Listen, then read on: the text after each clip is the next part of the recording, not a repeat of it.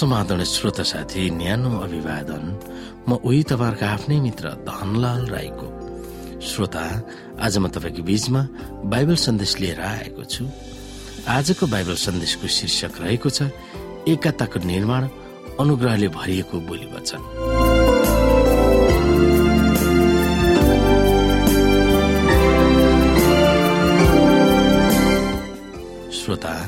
मानिसको पहिचान मिजास र चरित्र बोली वचनबाट थाहा हुन्छ। पावलले विश्वासीहरूलाई यसुको इज्जत राखिरहेका छन् भनेर मानिसहरूलाई बोली वचनबाट थाहा दिनुपर्छ भनेर सल्लाह दिँदछन्। हामी बाइबलका केही पदहरू हेर्न सक्छौ र ती अनुसार कुन बोली वचन तपाईँको निम्ति अहिले नै महत्वपूर्ण भएको छ? किन?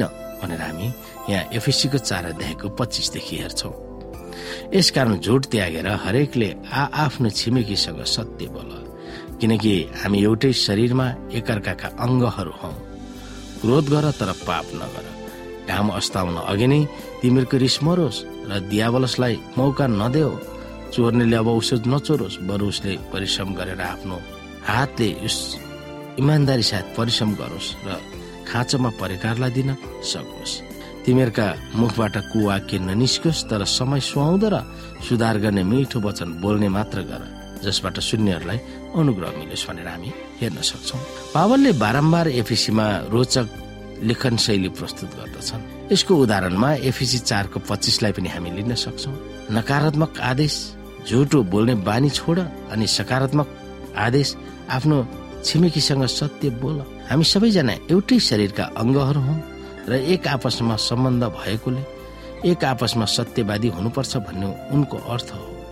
सत्य बोल भन्ने पावलको आह्वानले चर्चका सदस्यहरूको जीवनमा तथ्य कुरो दोहोऱ्याउनु भन्न खोजिरहेको छैन तर पावलले जकरिया आठ अध्यायको स्वरको वचनको प्रतिबिम्बित गरेको देखिन्छ। तिमीहरूले गर्नुपर्ने काम यिनै हुन् एकअर्कासँग साँचो बोल्ने गर र आफ्नो न्यायालयमा सत्य र असल न्याय गर। आफ्नो छिमेकीको विरुद्धमा खराब षड्यन्त्र नगर र झुटा शपथ नरुचाओ यी सबै कुरामा म घृणा गर्दछु परमप्रभु भन्नुहुन्छ। अर्थात् सत्यवादीको नीति अप्नाउनु भनेको शान्तिलाई फस्टाउन दिनु पनि हो। एक आपसमा रिसलाई दबाउँदै चित्त दुख्ने कुवाक्य वा रिस उठ्ने बोली त्यागिदेऊ भनेर एफिसी चारको एकतिसमा भनेको हुनाले एफिसी चारको छब्बिसमा विश्वासीहरूको बीचमा रिस राख राख्ने मिजाजलाई पावलले अनुमति दिएको पाइँदैन। तर हामी मानव प्राणी भएकोले रिस त उठ्छ भन्ने सम्भाव्यतालाई पावलले नकारेको पनि देखिँदैन। त्यसकारण उनले भन्दछन् क्रोध गर तर पाप नगर। घाम अस्ताउन अघि नै तिमीहरूको रिस मरोस् र दियावलसलाई मौका नदेऊ। चोर्नेले अब उसो नचोरोस् बरु उसले परिश्रम गरोस्। उसले आफ्नो हातले इमान्दारी साथ परिश्रम गरेर खाँचोमा परेकालाई दिन सकोस् अर्थात् रिसको फल पाक्न नदेऊ भन्न खोजिरहेको हामी पाउँछौ। बोली वचनको विषयलाई रोकेर पावलले चोरहरूको बारेमा नकारात्मक आदेश दिन्छन्। त्यसको अर्थ विश्वासीहरूको बीचमा चोर पनि रहेछ। उनले अर्थ दिन्छन्। चोर्नेले अब उसले नचोरोस् बरु उसले परिश्रम गरोस्। उसले आफ्नो हातले इमान्दारी साथ परिश्रम गरेर खाँचोमा परेकालाई दिन सकोस् भनिएको छ। यसै गरी एफिसी चार अध्यायको अठाइस चोर्ने बानीलाई छोडेर चोरहरूले आफ्नै हातले परिश्रम गरेर इमान्दारी हुनुपर्छ भन्ने उनको जिकिर छ। यसै गरी एफिसी चार अध्यायको अठाइस एक कोरन्ती चार अध्यायको बाह्र र एक थेस्लोनिकी चारको एघारमा पनि पावलको विश्वास यसुको परिवर्तन शक्तिमा बलियो भएकोले चोरहरू पनि चोर्न छोडेर आफ्नो जीवन धन्दा गर्नु मात्र होइन अरूहरूलाई पनि सहायता गर्न सकोस् भन्ने उनले कल्पना गर्दछन्। पावलका आदेश तिमीहरूका मुखबाट कुवा केवा दुष्ट भ्रष्ट बोली ननिस्कोस् भनेर यहाँ भनिएको छ। यो भन्नुको अर्थ यस्तो विनाशकारी शब्दहरू मुखबाट नफुटोस् वा जुन सुन्ने मानिसहरूको हृदयमा घातक काम गर्दछन्। चित्त दुख्ने चित्त फाट्ने वा एक आपसमा वैमनस्यताको आगो सल्काउने वचन बोल्न रोक्नुपर्छ भन्दै त्यसको सट्टामा वैकल्पिक बोलीहरू बोल्नुपर्छ भनेर पावलले प्रस्ताव गर्दछ। ती वैकल्पिक बोली वचनहरूले एक आपसको असली सम्बन्ध निर्माण हुन्छ। समय सुहाउँदो मिठो वचनले सौहार्द वातावरण बनिन्छ र शून्यहरूले पनि अनुग्रह मिलेको आवाज पाउँछन् भनेर हामी हेर्न सक्छौँ।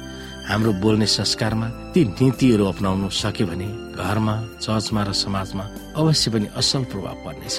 तपाईँ र मैले गरिरहेका बोली वचनहरूले समाज घर मण्डलीमा कस्तो खालको असर पारिरहेको छ?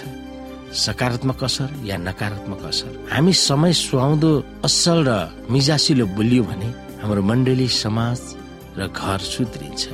र ती किसिमका बोली वचनहरूले मानिसहरूको हृदय परिवर्तन हुँदछ। मिठो बोली वचन र असल स्वभावले मानिसहरूलाई आत्मिक रूपमा परिवर्तन गर्न मद्दत गर्दछ।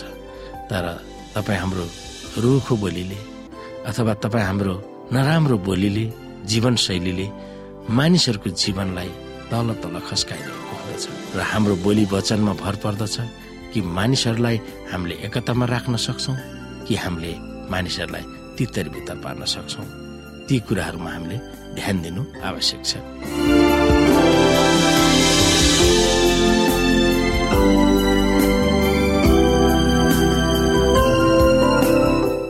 श्रोता साथी आजको लागि बाइबल सन्देश यति नै। हस्त नमस्ते जय मसिंह।